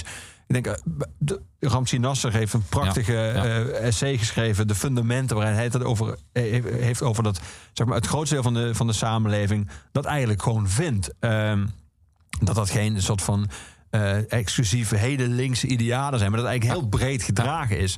Het gekke is dat de partijen die die idealen ten diepste vertegenwoordigen en die, die ook eh, soort van, eh, bijna aan de basis daarvan staan, zeg maar de sociaal-democratische en socialistische partijen, de SP en de PvdA bijvoorbeeld, en GroenLinks, het heel slecht doen. Ja. En eigenlijk allemaal kleine partijen zijn geworden. Ja, nee, ik heb geprobeerd in het boek om, om niet zeg maar één foto van nu te maken, maar het veel breder te beschouwen. Dit gaat ook niet over één partij. Ik noem eh, mijn eigen partij, ik geloof één of twee keer, namelijk Ja. waar ik eh, noem, maar verder helemaal niet. Het boek is ook niet van de SP Nee. of gaat niet over de SP, ook niet over de vakbond of over welke andere partijen eh, of, eh, of bestaande instituten ook. Het gaat over ze allemaal. Klopt. Dus ook over de SP, hè, zou je kunnen zeggen.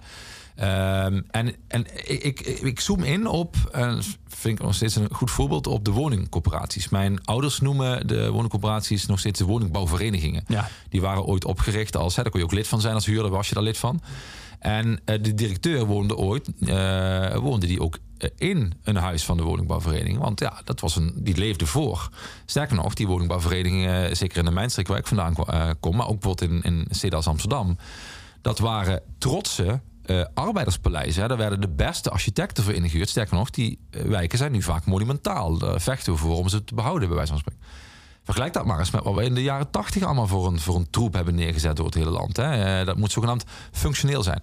Ik verklaar dat eh, eh, door de analyse dat die woningbouwverenigingen die coöperaties geworden zijn, niet alleen dat de directeur niet meer in die wijk woont, maar bijna niemand in dienst van die woningcoöperatie woont nog in die buurt. Dus die instituten van de werkende klasse, van de onmisbare, zijn eigenlijk helemaal niet meer van de onmisbare op dit moment. En, eh, en daar kun je veel meer instituten noemen. Maar als je niet meer bent van de mensen waarvoor je zegt te staan, ja, dan raak je vervreemd en ga je, denk ik, vroeg of laat kapot. Ja. Eh, en dat is. Diezelfde eh, woningcorporaties hebben natuurlijk daarna zelf ook heel veel verkocht aan, Ja. aan buitenlandse investeerders. Ja. En Ja. die hebben eigenlijk niet meer de functie, bijna Nou ja. tegenovergestelde van de functie in de praktijk die, die ze ooit hadden. Precies, dat zijn nu een soort makelaars in, in, in, in woningen waar eigenlijk niemand graag in wil wonen. Dus dat was ooit volkshuisvesting, hè, voor ons allemaal. Maar nu is het eigenlijk, zit, zit het de geur aan van ja, dat als je daarin zit, verdien je ook eigenlijk niet beter. Hè? Dus net als over die zogenaamd dikke eh, eh, eh, blanke mannen in het ziekenhuis, die verdienen ook eigenlijk niet beter. Nou, als je in een coöperatiewoning woont, dan verdien je eigenlijk niet beter. Dat is de geur die eraan aan zit. En sterker nog, ik denk echt dat de mensen die daar werken, dat die een sociale inborst hebben. Maar als jouw perceptie en omstandigheden volkomen anders zijn, en ik zeg helemaal niet dat er nooit iemand mag werken die in een koopwoning. Ik woon zelf ook in een koopwoning. Het gaat erom dat die balans volkomen zoek is. Hè, eh, eh, ik, ik zou zeggen als Gadisha, eh, de president van het eh, schoonmaaksparlement. eh, je hebt daar een prachtige film eh, eh, over gemaakt. Ehm, eh, mijn vader zei tegen mij: Ron, ehm, zal ik voorzitter van de FNV worden? zei hij. En ik dacht, ah, pap, waar moet dit nou naartoe? Je, je kunt toen kon hij al geen 150 meter lopen, nu kan hij nog geen 3 meter lopen. Wat wil je nou precies? Hè? Laat die veel te lange inleiding maar achterwege. Vertel maar gewoon, eh, to the point, wat is je punt? Wat is je kritiek? Ja, dan had hij natuurlijk een punt. Hij zei, ik heb de functieomschrijving eh, van de nieuwe voorzitter van de FNV even erbij bekeken. Toen was hij nog niet eh, gekozen, toen was er nog in die verkiezing. Hij zei, ja, ik heb, ben ik van Turven. Nul keer actie, nul keer solidariteit, nul keer staking. Maar ik moet wel iets weten van managementstrategieën. Ja, het is mijn eigen vakbond, hè. Ik, hou van een vakbond. Eh, ik zal er mijn hele leven lang lid van zijn. Maar het is wel ook een voorbeeld, net zoals die woningcoöperatie, dat als we niet oppassen... En dat is helemaal geen, helemaal geen kritiek op de persoon die daar nu zit, hè, voor de helderheid. Ehm, maar Gadisha kan volgens die omschrijving geen voorstel van de FNV zijn. Dus het Want is, die is niet van de managementstrategie en ja, van de... Dus kennelijk kun je management, een, eh, eh, een gebrek aan kennis over managementstrategieën, dat kun je niet compenseren. Maar wat ik maar even samenvat met de pijn en de kennis van de massa, dat kun je kennelijk wel compenseren als je maar managementstrategieën beheerst. Dat is ook de wereld op zijn kop. En eh, nu weet ik, de, historie van de vakbeweging zijn altijd deze discussies geweest. Hè? Dat zal ook altijd blijven. Maar ik pleit ervoor dat ja, dat mijn vakbond weer van de onmisbare wordt. En niet alleen maar doordat ze georganiseerd worden en dat ze acties kunnen voeren zoals Gadisha met de schoonmakers en veel succes hebben geboekt. Maar in de allerhoogste regio- regionen van de vakbond. Daar moeten de Gadisha's zitten. En die moeten niet door een of andere rare functieomschrijving met een of andere commissie met drie wethouders dan notabene in die dan zeggen dat je er wel of niet dat je niet wel of niet geschikt bent. Die mogen best een advies geven. Maar hou eens even. eh, die gaan niet bepalen dat, eh, dat de top van de FNV eh, uit, uit de professionele klasse moet bestaan. Weet je wel. Waar ik zelf ook toe behoor voor de helderheid. Waar ik zelf met been in sta. Potverdomme, het is niet raar dat die, dat die instituten van de sociale beweging verloren raken. Die instituten van de werkelijke klasse verloren raken. Als ze niet meer in essentie bestuurd worden door de werkelijke klasse. Ja. Gaat dat ooit nog gebeuren, denk je? Of moet je aanvaarden, zoals volgens mij eh Ramsi Nasser ook eh, analyseert... dat, dat die, die oude sociaal-democratische en socialistische instituten... zo in, in partijvorm, bijvoorbeeld de SP en de PvdA... die gaan nooit meer groot worden. Je moet aanvaarden dat die idealen op nieuwe manieren vorm krijgen... of dat er nieuwe partijen bij zijn gekomen, zoals Bijeen of de Partij voor de Dieren... die delen van die idealen ook vertegenwoordigen... en dat dat allemaal andere vormen krijgt. Ja, ja, ik geloof in een, gro- een grote gemene deler. Ik geloof dat klasse de grote gemene deler is. En ik sprak met eh, en en ik, mijn, e- die epiloog, ehm, daar, die richt, ik richt mijn hele boek tot mijn vader en moeder. Ja. En de epiloog tot mijn beste maat eh, Martijn. En Martijn, eh, vertelde ik al eerder, hè, eh, mijn vader een monteur, zijn vader een directeur.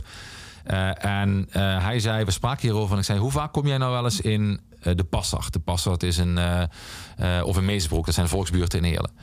En hij zei eh, tijdens het hardlopen, eh, we zijn dan meer eh, buiten adem van het discussiëren met elkaar dan van het hardlopen. En hij zei ah, eigenlijk nooit, heel eerlijk. Hij zei, we hadden het dus over de sociaal-economische gezondheidsverschillen. Hij zei, ja, ik kan het niet zien. En toen kwam hij daar dan terug de volgende keer. en toen zei hij, ik heb daar met, met Lieke, met zijn wederhelft, had hij erover gediscussieerd. En hij zei, ik wil het corrigeren. Want ik zei, of ik kan het niet zien. Het is, ik kan het wel zien, ik weet het wel. Maar ik voel het niet. Het raakt me niet. En, en dat punt, dat het, dat als het er nooit over gaat, kan het jou, als jij in een eh, mooie middenklassehuis woont en je hebt er niks mee te maken, het is ook niet je achtergrond, dan, dan hoef je het ook niet te zien. Dus in die, in die oude mijnstreek, en dat kun je overigens in de rest van het land op een andere manier invullen, had je die katholieke zuil, die was dominant, hè, 50 jaar geleden. Ik heb dat nooit in levende lijven meegemaakt, maar wel van de eh, via de overlevering. De katholieke advocaat was, eh, voelde zich wederkerig met de katholieke vuilnisman. En daar zat ook een eigen belang in. Want die katholieke vuilnisman kon ook zomaar, als er niet goed werd, mee werd omgegaan, geïnteresseerd raken in de rode zuil. En dat was het allerslechtste wat je maar kon bedenken. Dus die moest iets met elkaar. Dat was op zekere hoogte eh, oprechte wederkerigheid, maar het was ook een soort koude oorlogssituatie, zeg maar zeggen. Nou, die verticale zuil is bijna volkomen weg. Eh, dat zijn horizontale zuilen geworden. Op opleidingsniveau of op klassenniveau zou je kunnen zeggen. En tegelijkertijd betekent dat nu dat Martijn eh, een soort van intrinsiek, dat hij gelooft in een intrinsiek onrechtvaardig systeem. Helemaal niet. Als ik hem voorleg, ja, eh, het kind geboren in Zeswegen wordt zes jaar, het zes jaar eerder dood kind geboren in jouw buurt. Vind je dat rechtvaardig? Dan wijs je dat af.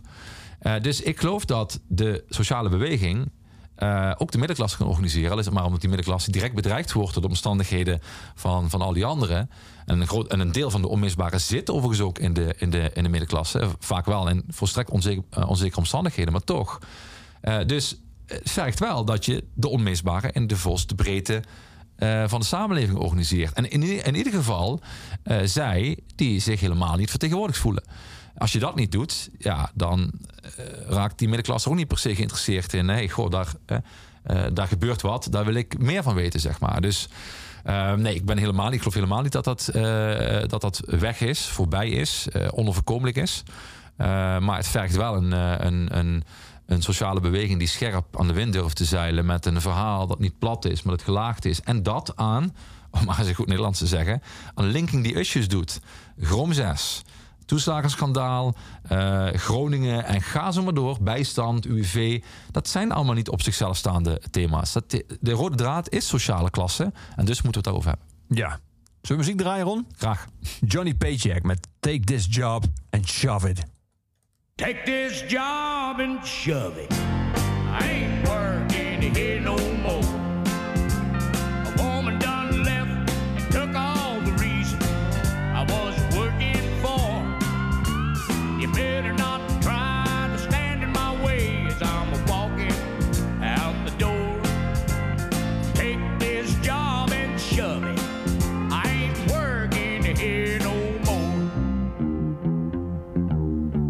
I've been working in this factory for now 15 years. All this time I watched my woman drowning in a pool of tears. And I've seen a lot of good folk die, had a lot of bills to pay. I'd give the shirt right off of my back if I had the guts to say. Take this job and shove it. I ain't working here no more. My woman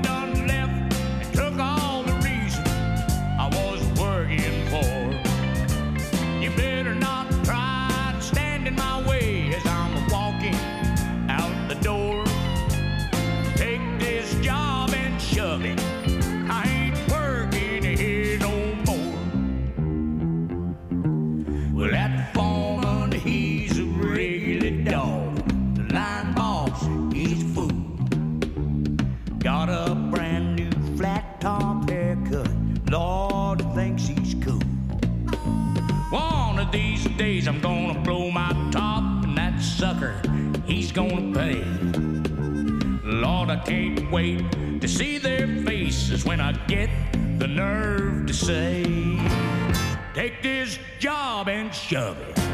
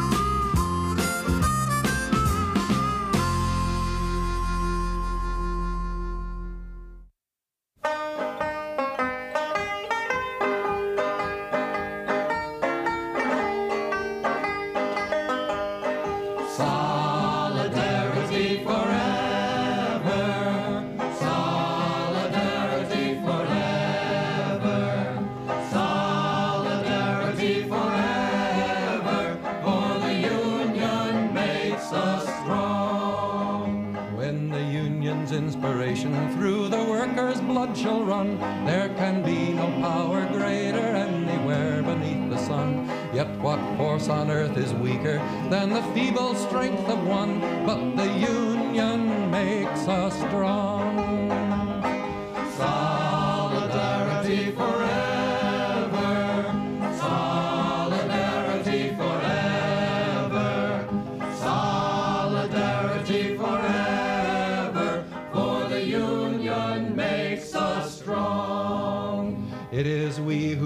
the prairies, built the cities where they trade, dug the mines and built the workshops, endless miles of railroad laid. Now we stand outcast and starving mid the wonders we have made, but the union makes us strong.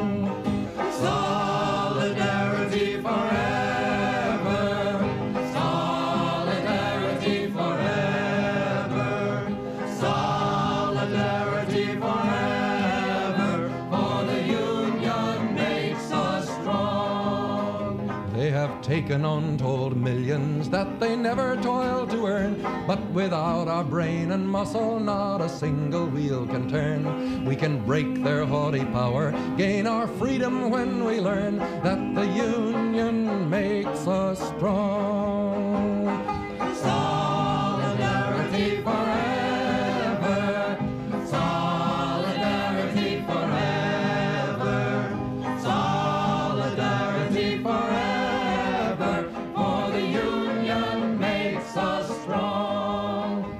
In our hands is placed a power greater than their hoarded gold, greater than the might of atoms, magnified a thousandfold.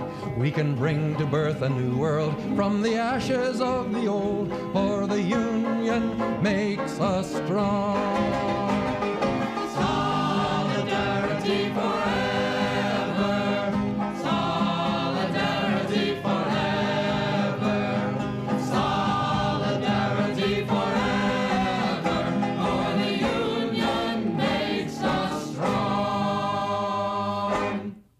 Jorde Piet Seeger met Solidarity Forever. Hier in Oeverloos met Ron Meijer. We praten over de onmisbaren. Waarin Ron zich afvraagt. Ik citeer je even, Ron. Met grote regelmaat vraag ik me toch af hoe het kan dat er zoveel consultants, communicatieadviseurs en content managers zijn.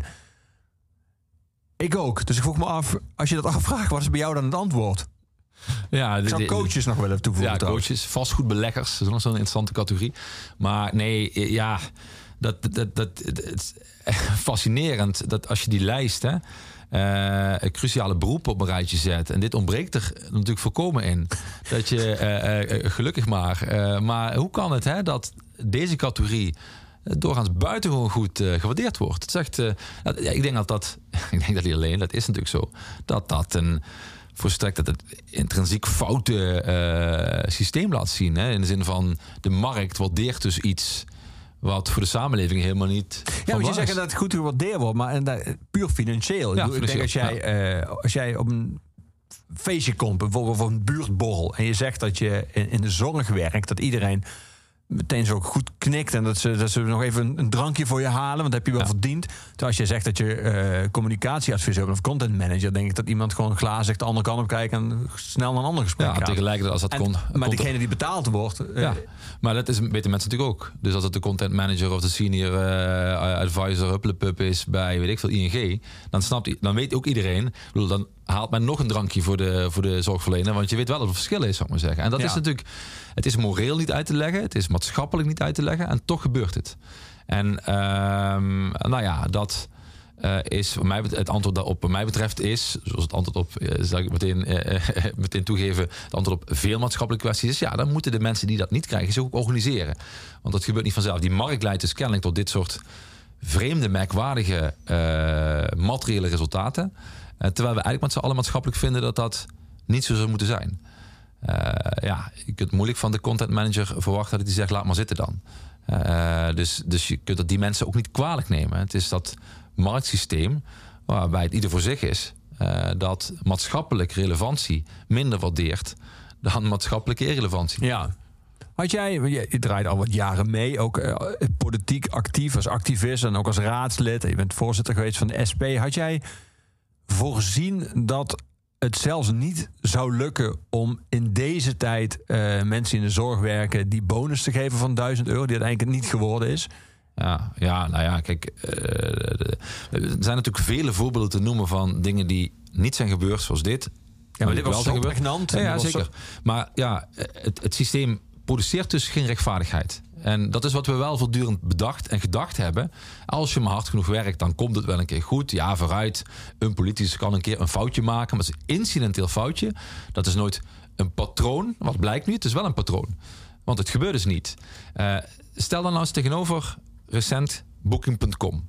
Daarvan vindt iedereen dat dat niet kan. Ja. Wat doet de minister in En voor de mensen die het gevolg hebben, Booking.com, die hebben heel veel staatssteun gekregen. Die hebben uiteindelijk hebben ze, eh, een- een paar mensen aan de top enorme bonus gegeven. Daar is uiteindelijk een politiek opbinding over ontstaan. En werd gezegd, dat mag nooit meer gebeuren. 25 miljoen. Ja, precies. En vervolgens hebben ze blijk nu hun regels zo aangepast dat het toch kon gebeuren. Dus Ja, een deel dus- van dat geld is gewoon rechtstreeks naar de top Precies. gegaan. Dus dat, is, dat geeft de schaamteloosheid aan. Maar ja, eh, eh, ik bedrijven eh, hebben in feite ook niet per se een maatschappelijke functie. Hun doelen, eh, winstmaximalisatie en continuïteit van het bedrijf. Dat zijn de, de, de doelen.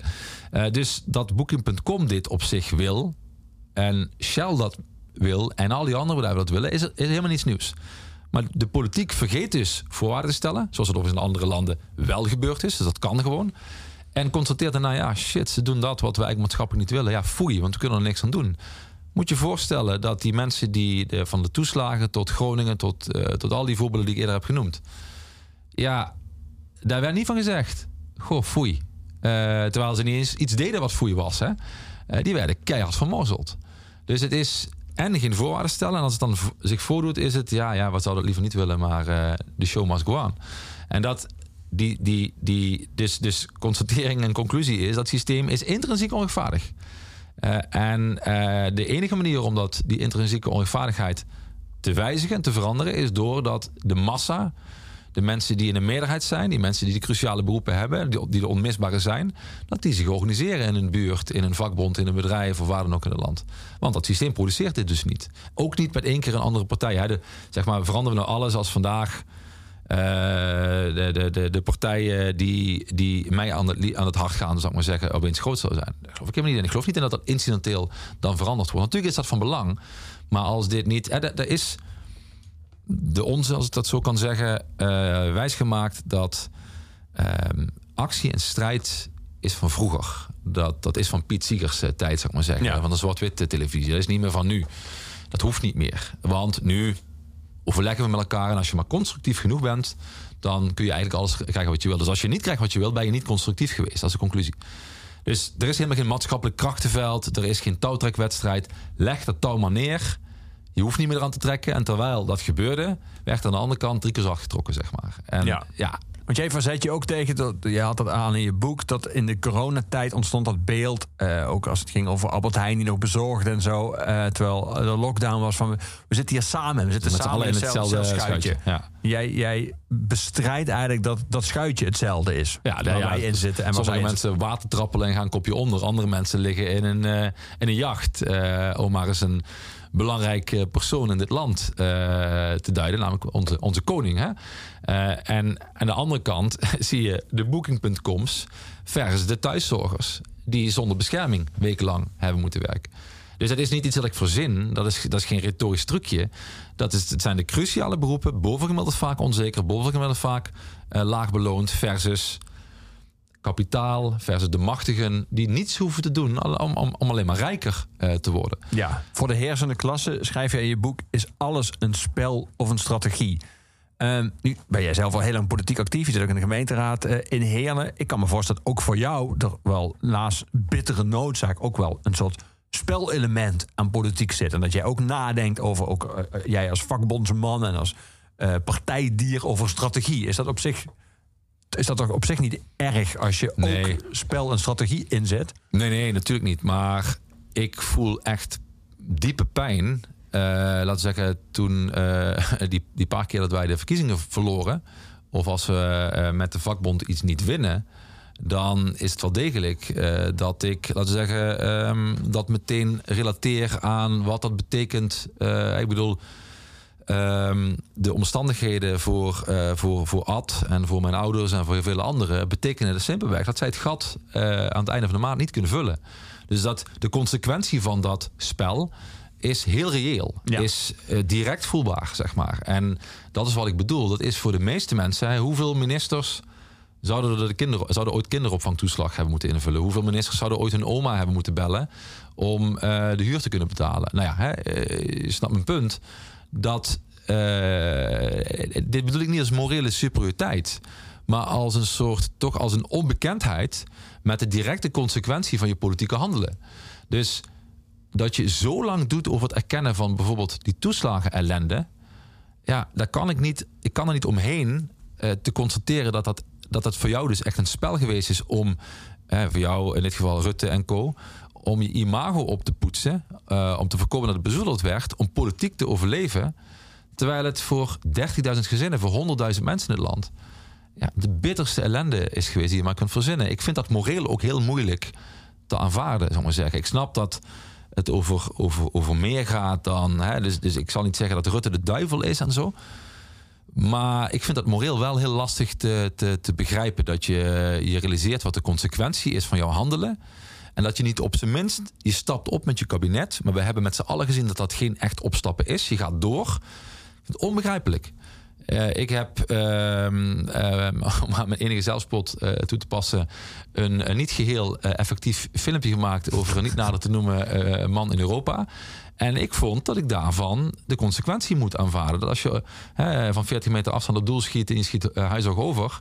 Ja, als je erin gaat, ben je de held. Maar als je erover schiet, dan moet je daarvan ook... eh, wie, wie de billen verbrandt, moet op de, op de blaren zitten. Ja, dus jij stapt het op als voorzitter van de SP. Ja, heb je ja. En ik vind ook echt dat als je, dat, als je iets, iets doet wat niet goed genoeg is, dan moet je dat eh, aanvaarden. Ehm, ik vind dat ook echt, dat heb ik van thuis uit ook meegekregen. Je, je, bent, ehm, je kijkt eerst altijd naar jezelf, nooit alleen naar jezelf, zei mijn, eh, zei mijn moeder altijd. Hè.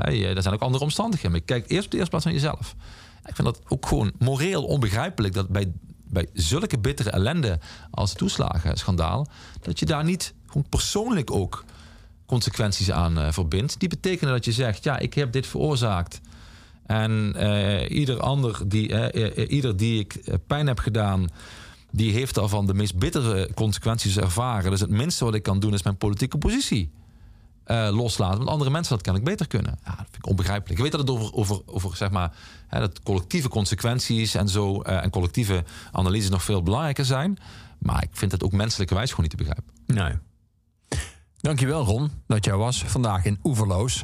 Het onmisbare ligt nu in iedere zichzelf respecterende boekhandel. Uh, is nu verkrijgbaar.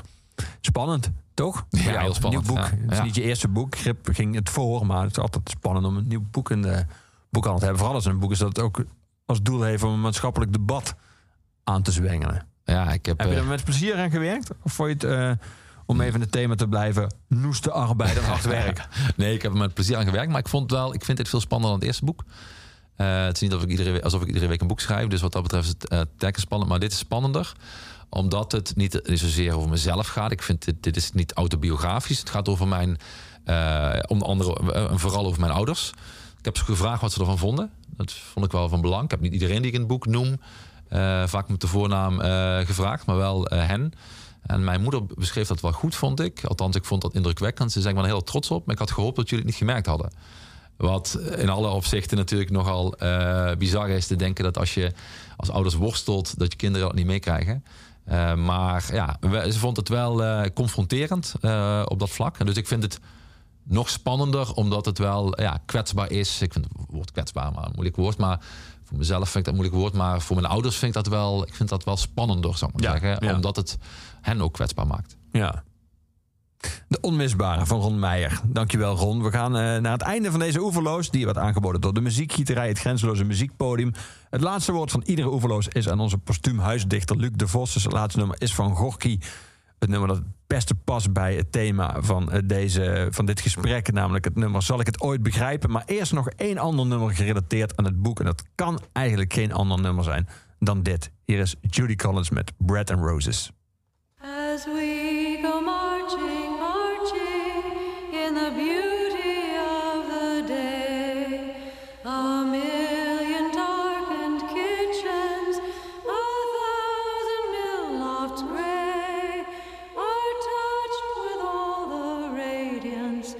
That a sudden